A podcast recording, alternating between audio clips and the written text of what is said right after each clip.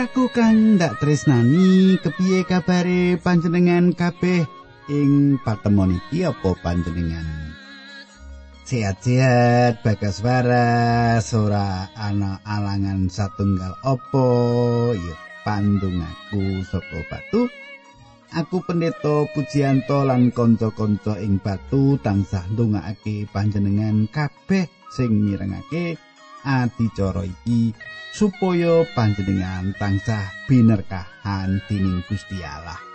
Dijangkung urip panjenengan karo Gusti Allah kaparingono rejeki sing luber iso cukup kanggo saben dinane.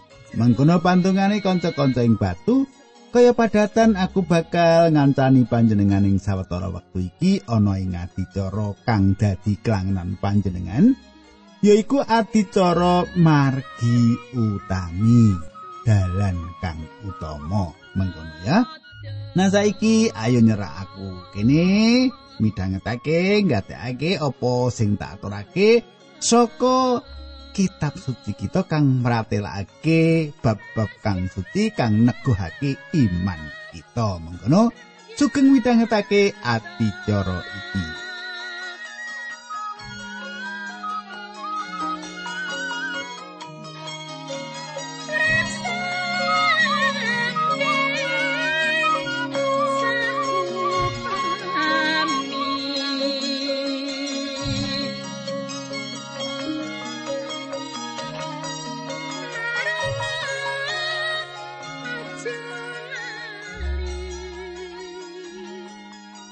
Kadangku kang ndak tresnani.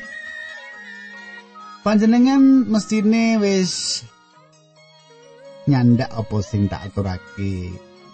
Patemon kita kepungkur para murid rebut duncung sapa sing paling apik dhewe sapa sing paling pinunjul dhewe. Mengkono ya. Ya pancen lucu. Rada lucu apa lucu? Yen ing satengahing makarya kagem Gusti. Makarya kagem Gusti ana sing rebutan endi sing paling apik, endi sing paling punjul, endi sing paling unggul dhewe. Aku dhewe kok sing apik. Gereja iki lho nek anak aku iki lho ora iso apa. Pendetane dhewe nek anak aku iki wah wis kudu tak kempet tak indit tok. Lha wong makarya kagem Gusti kok ana sing rebutan ngono bareng iki. Kepiye. Nah, kadangku giaran kepungkur wis panjenengan gatekake perkara-perkara sing tak aturake iki. Nanging uga bab sapa sing dadi tukang nyasarake, aku ngaturake bab wedhus sing ketriwal, aku ya wis ngaturake. Lan pasmon bab pangapura, aku ya wis ngaturake marang panjenengan. Nah, ing giaran iki bakal ana gegayutane karo baleo somah.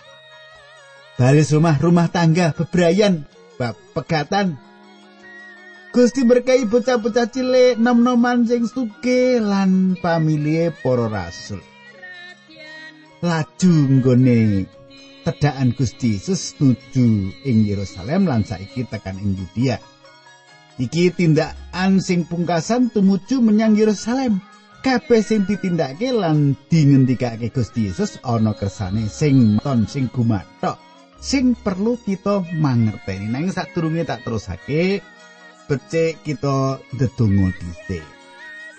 Nah kadangku aku arep ndongaake nalika aku ana patuwen ing Cilacap kono adoh. Aku ketemu karo Bapak Pendeta Paul Estrinadi. Nek aku nyuwun ngapura Pak Paul Pak Paul nalika aku suan Pak Paul ngantek jaketku keri. Terus kepeksa Pak Paul ngeterake marang pamandok aku. Waduh, kamangka. Nah, kita ndongake pelayanane Pak Paul Istriati supaya Gusti berkahi putrane wis papat, jemaate tresnani. Wah, pancen bungahake. Ayo kita ndedonga sesarengan. Dukanjeng Rama ing swarga kawula ngaturaken gunging panuwun menawi wekdal menika kawula saged tetunggilan malih kalian sederek-sederek kawula. Duh pengiran kawula ndongaaken Bapak Pendeta Paul Estriadi lan mugi para pendeta sanesipun ingkang makarya wonten ing padesan-padesan ingkang terpencil Gusti. Kawula mangertos pilih paduka tansah nganti gesangipun para abdi Gusti menika. Kawula nyuwun supados paduka paring kawicasanan paringi kacekapan ing gesangipun linambaran asmanipun Gusti Yesus Kristus kawula ndedonga. Haleluya. Amin.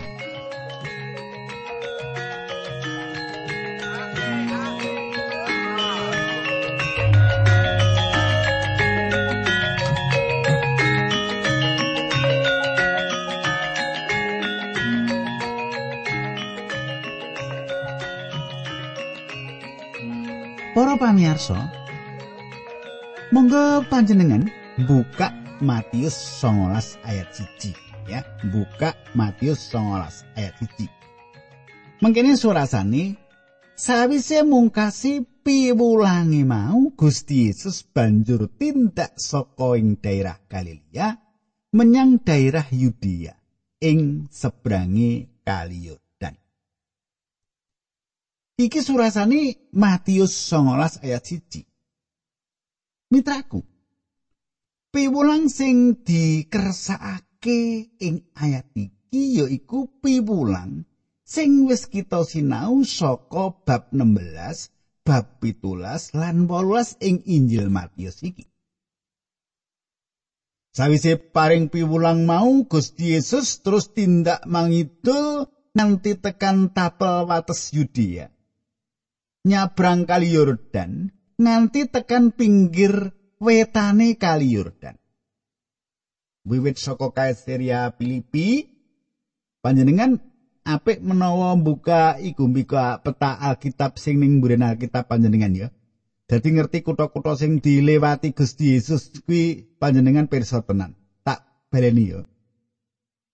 Sawise paring piwulang mau ya Gusti Yesus terus tindak medul nganti tekan tapel wates Yudea. Jenengan mirsani kuwi ana tulisan Yudea ya, nyebrang kali Yordan nganti tekan pinggir wetane kali Yordan. Wiwit saka Kaisaria Filipi. Panjenengane wis ndawuhake bab sedane mengko ing Yerusalem. Gusti Yesus paring pirsa marang para murid yen panjenengane ngendikake bakal sedo. Mula panjenengane terus tindak mengidul menyang arah Yerusalem. Mlebu tlatah Galilea lan panjenengane katon wektu ing pinggir tlaga. Mongko Kapernaum kuwi kutha sing dadi markase. Eh, markase dadi pusat ya, dadi papan kanggo istirahat, kanggo leren panjenengane uga tau nyebrang telaga nganti tekan Gadara barang yen saiki lagi ana ing Yudea. Nah, saiki ayat loro. Akeh wong sing padha nderekake lan padha diwarasake kabeh ana ing kono. Kadangku wong akeh sing lara padha diwarasake. Akeh wong sing padha nderekake, uga akeh wong sing padha diwarasake. ora mung siji utawa loro sing diwarasake wong akeh. Wong akeh. Wong akeh sing loro-loro kuwi padha diwarasake. Ora pilih-pilih kabeh diwarasake. Ngidapi-dapi panjenengan kudu bom-bom duwe gusti sing duwe pangari bawa panguwasa sing ngidapi-dapi mengkono.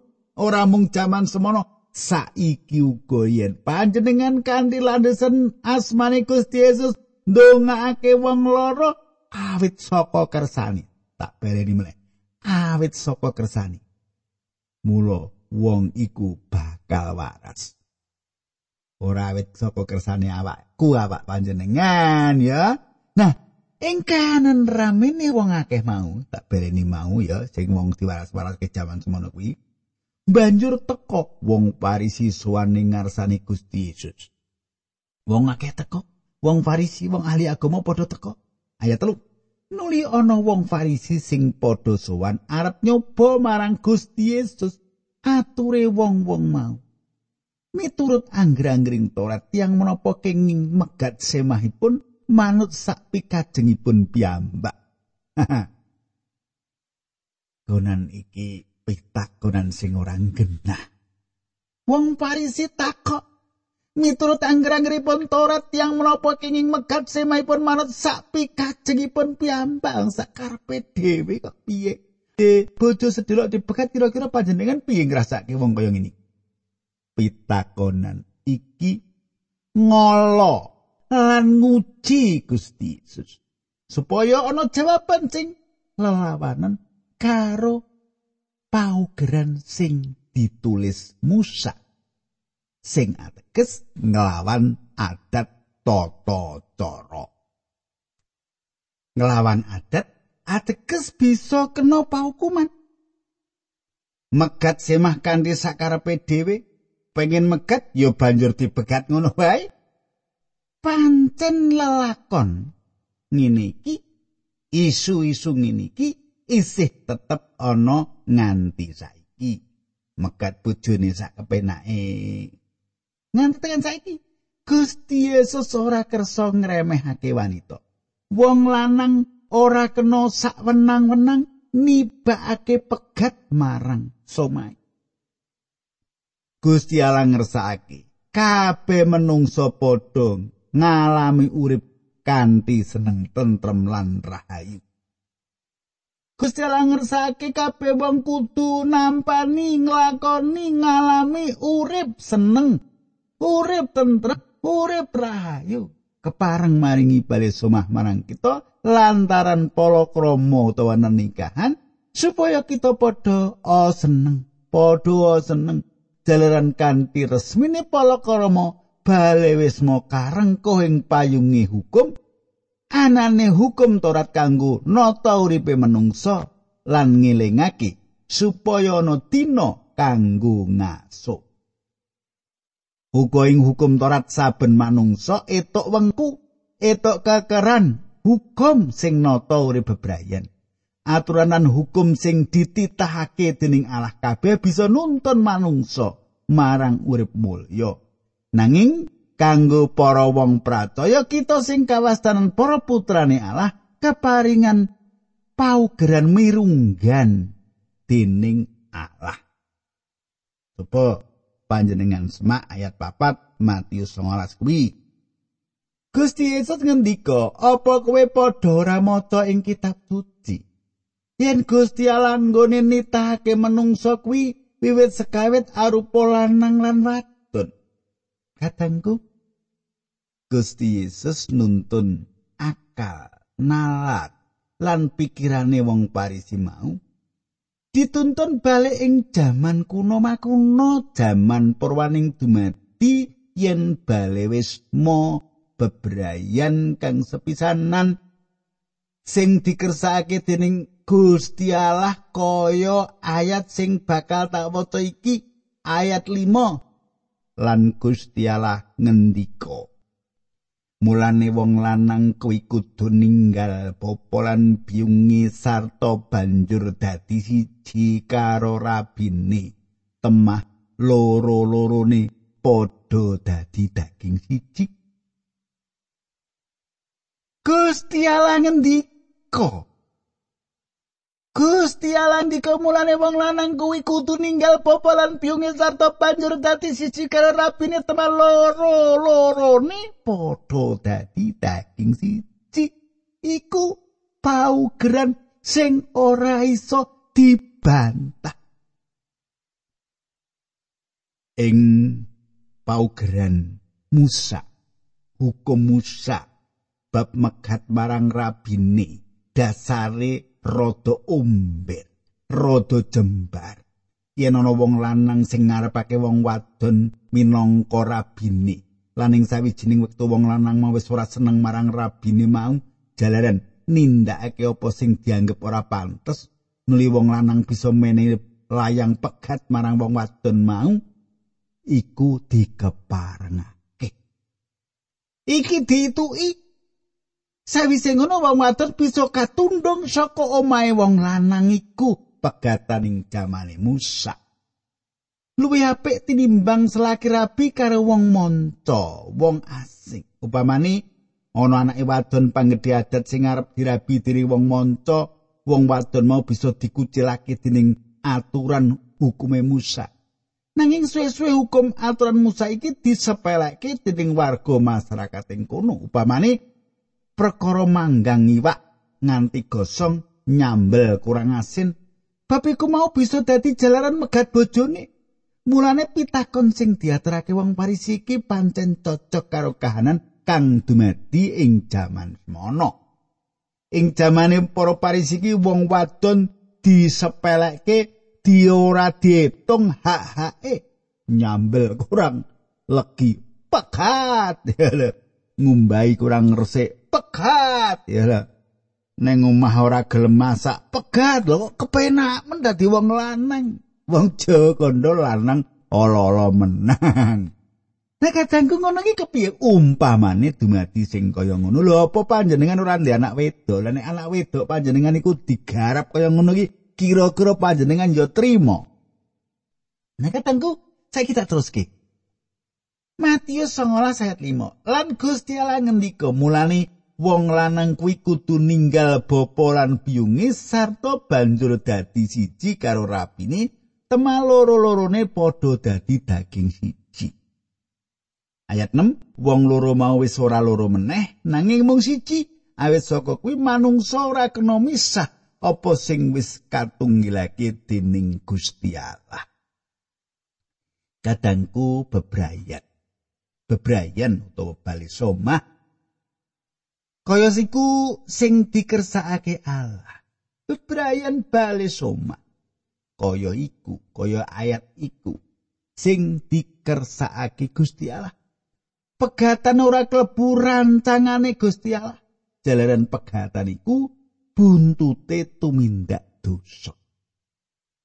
Patra pegatan kuwi akibat saka dosa. Mula kanthi keterangan sing diparingake Gusti Yesus mau ngilingake ngilingake marang panjenengan lan aku supaya bali wismo kedapuk lan kewangun kanthi ada dasar kersane Gusti Allah pribadi.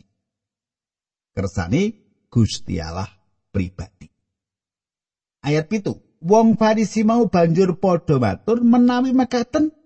Menapa sebabipun diri Nabi Musa dawuh supados nyukani serat pegat semasa tiang megat semaipun menapa menika mboten ateges Nabi Musa ngingingaken tiang sami pegatan?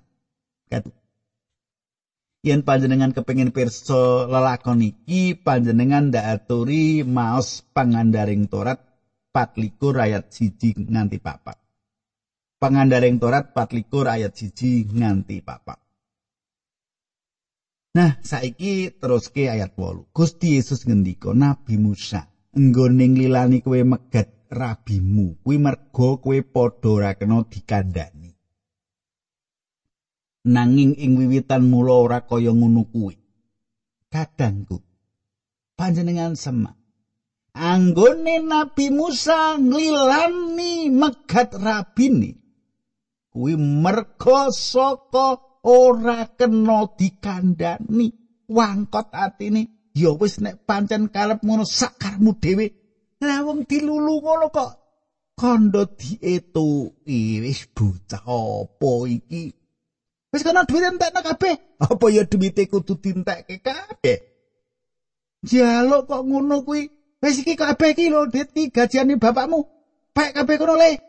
Entekno ya paya dintekno? Lho ngono kok iki jenenge wong wangkot.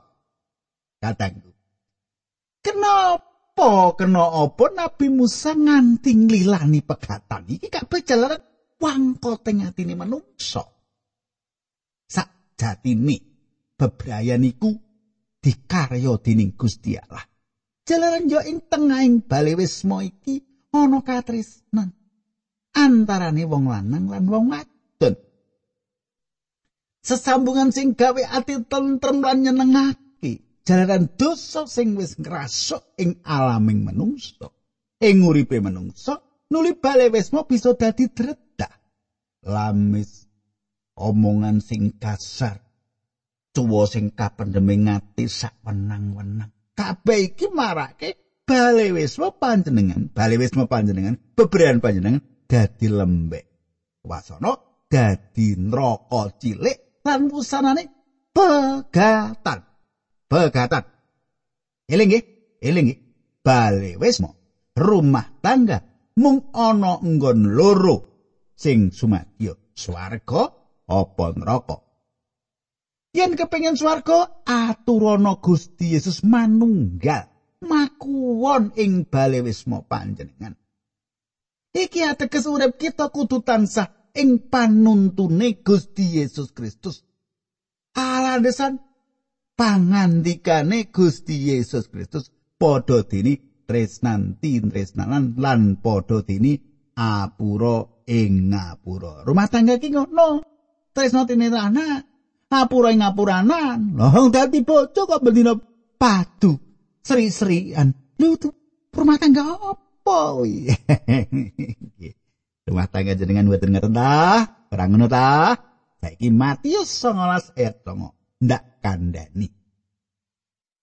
Sing sapa megat rabine, mongko bojone mau ora lagu zina lan banjur rabi karo wong wadon liyane wong kuwi lagu zina. katangku iki kudu dadi kawigaten kita sing sapa megat rabine mongko bojone ora laku jina. Banjur rabi karo wong wadon liyane ngati-ati wong kuwi wis laku jina. Laku jina bakal ngrusak bale wismo laku jina kaya dene landesan kanggo dadine pegatan. Cetok nggih? Cetok Pak. Ngono ya. terang kok malah ngantuk teklak lu ah wis ra ya jenengan kuwi mboten kok Pak. Wong gatos ke saestu kok. Ngono. Gatekke iki dalan. Kan nuju marang kebahagiaan. Kudu dirungokke. Ado-ado aku suwan panjenengan ngene iki.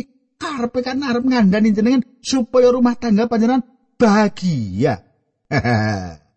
Terus ki nah prastawa lakon pegatan dikeparengake kanggo menehi kalodangan marang sing ora salah kanggo mbangun bale wisma meneh. Iki paugeran kita para wong pratoya supaya ora ndak senang marang sesiyane. Aja nganti perkara sing digawe-gawe kanggo dasar nyatakake pegat marang sisiyane. Ayat 10. Para murite Gusti Yesus banjur padha matur menawi kawontenanipun tiang seseman kados mekaten langkung sae mboten emah-emah kemawon.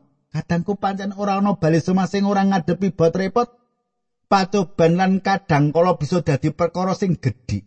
Nanging yo ing tengahing bali wisma iki panjenengan lan aku bisa ngrasakake urip kanthi rasa tentrem, ayem lan kasukan sing meh ora ana enteke. Yen ora wani ngadepi tantangan, yo ora susah bangun bali wisma, nanging panjenengan ora bisa ngrasakake edining urip ing bali somah. Ayat 11. Gusti Yesus ngendika, ora saben wong bisa nglakoni mengkono, mung wong sing wis kapiji dening Gusti Allah sing bisa nglakoni. Pancen timbalan ora palakrama iku ora kanggo saben wong. Saiki ayat 12. Sebab ana wong sing ora bisa omah-omah mergo wiwit lair mula kaanane mengkono. Ana uga sing ora bisa omah-omah merga didadekake mengkono dening wong liya lan ana maneh wong sing milih ora omah-omah metu saka karepe dhewe supaya bisa luwih mligi nggone nglakoni ayahan peparinge ing kratoning Gusti Allah sapa sing bisa nglakoni? Karepen nglakoni. Kadangku pancen ana wong sing ora salah kirabi jalaran wis kaya ngono kahanane cacat badane upamane. Jalaran isih kaiket ing pegawean utawa syarat saka sawijining organisasi. Nanging pancen ana sing duwe tekad kenceng ora para uripe ditanjake kanggo pakaryan kamanungsan. Saiki Matius 19 ayat 13 tekan 15 tumuli ana wong-wong sing padha nyowanake bocah-bocah nang ngarsane Gusti supaya diberkahi lan ditungake nanging wong-wong mau padha disrengeni dening para murid Mulane Gusti Yesus ngendika marang para murid karben bocah-bocah kuwi padha mrene. Aja kok alang-alangi sebab wong-wong sing kaya bocah iki sing dadi kawula ing kratoning Allah. Gusti Yesus nuli numpangi asta marang bocah-bocah mau sarta banjur tindak saka kono. Katengku ora ana bocah cilik sing nolak marang Gusti Yesus. Yen ana, iku jalaran saka pengaruh wong tuane. Bocah-bocah cilik bisa dadi prataya kanthi tumemen. Mula peladosane gereja-gereja saindenging jagat iku padha kanthi mirunggan nganakake peladosan kanggo bocah-bocah cilik. Awigatene Gusti Yesus marang bocah-bocah cilik kudu mujudake sikepe saben wong Kristen, peladosan Kristen supaya bocah-bocah cilik padha nampani kabar kabungan. Bab kapercayane bocah cilik marang Gusti Yesus ora bisa kawatesan pira umure. Sebab pengalaman sawetara wong tua umur anake nalika percaya iku dewi-dewi. Pangandikane Gusti sing nelakake supaya panjenengan lan aku ora ngalang-alingi bocah-bocah cilik nyedak marang panjenengane nuduhake yen banget gedhe kawigatosane Gusti. Muga dadi pamecut marang kita kanggo nguti lan mersudi supaya bocah-bocah iki etok kalodhangan kanggo etok panggulawentah rohani supaya uripe cedhak karo Gusti Yesus. Katangku, semene dicek atur giaran kita iki ing pangajab panjenengan sak kukupan antu berkah sing mahanani gesang panjenengan manggih rahayu. Nganti pepanggian meneh ing adicara candake kita ndedonga. Gusti matur nuwun sanget. Paduka sampun berkahi adicara menika dados berkah yang kathah. Dinambaran asmanipun Gusti Yesus Kristus kawula netunggal. Haleluya. Amin.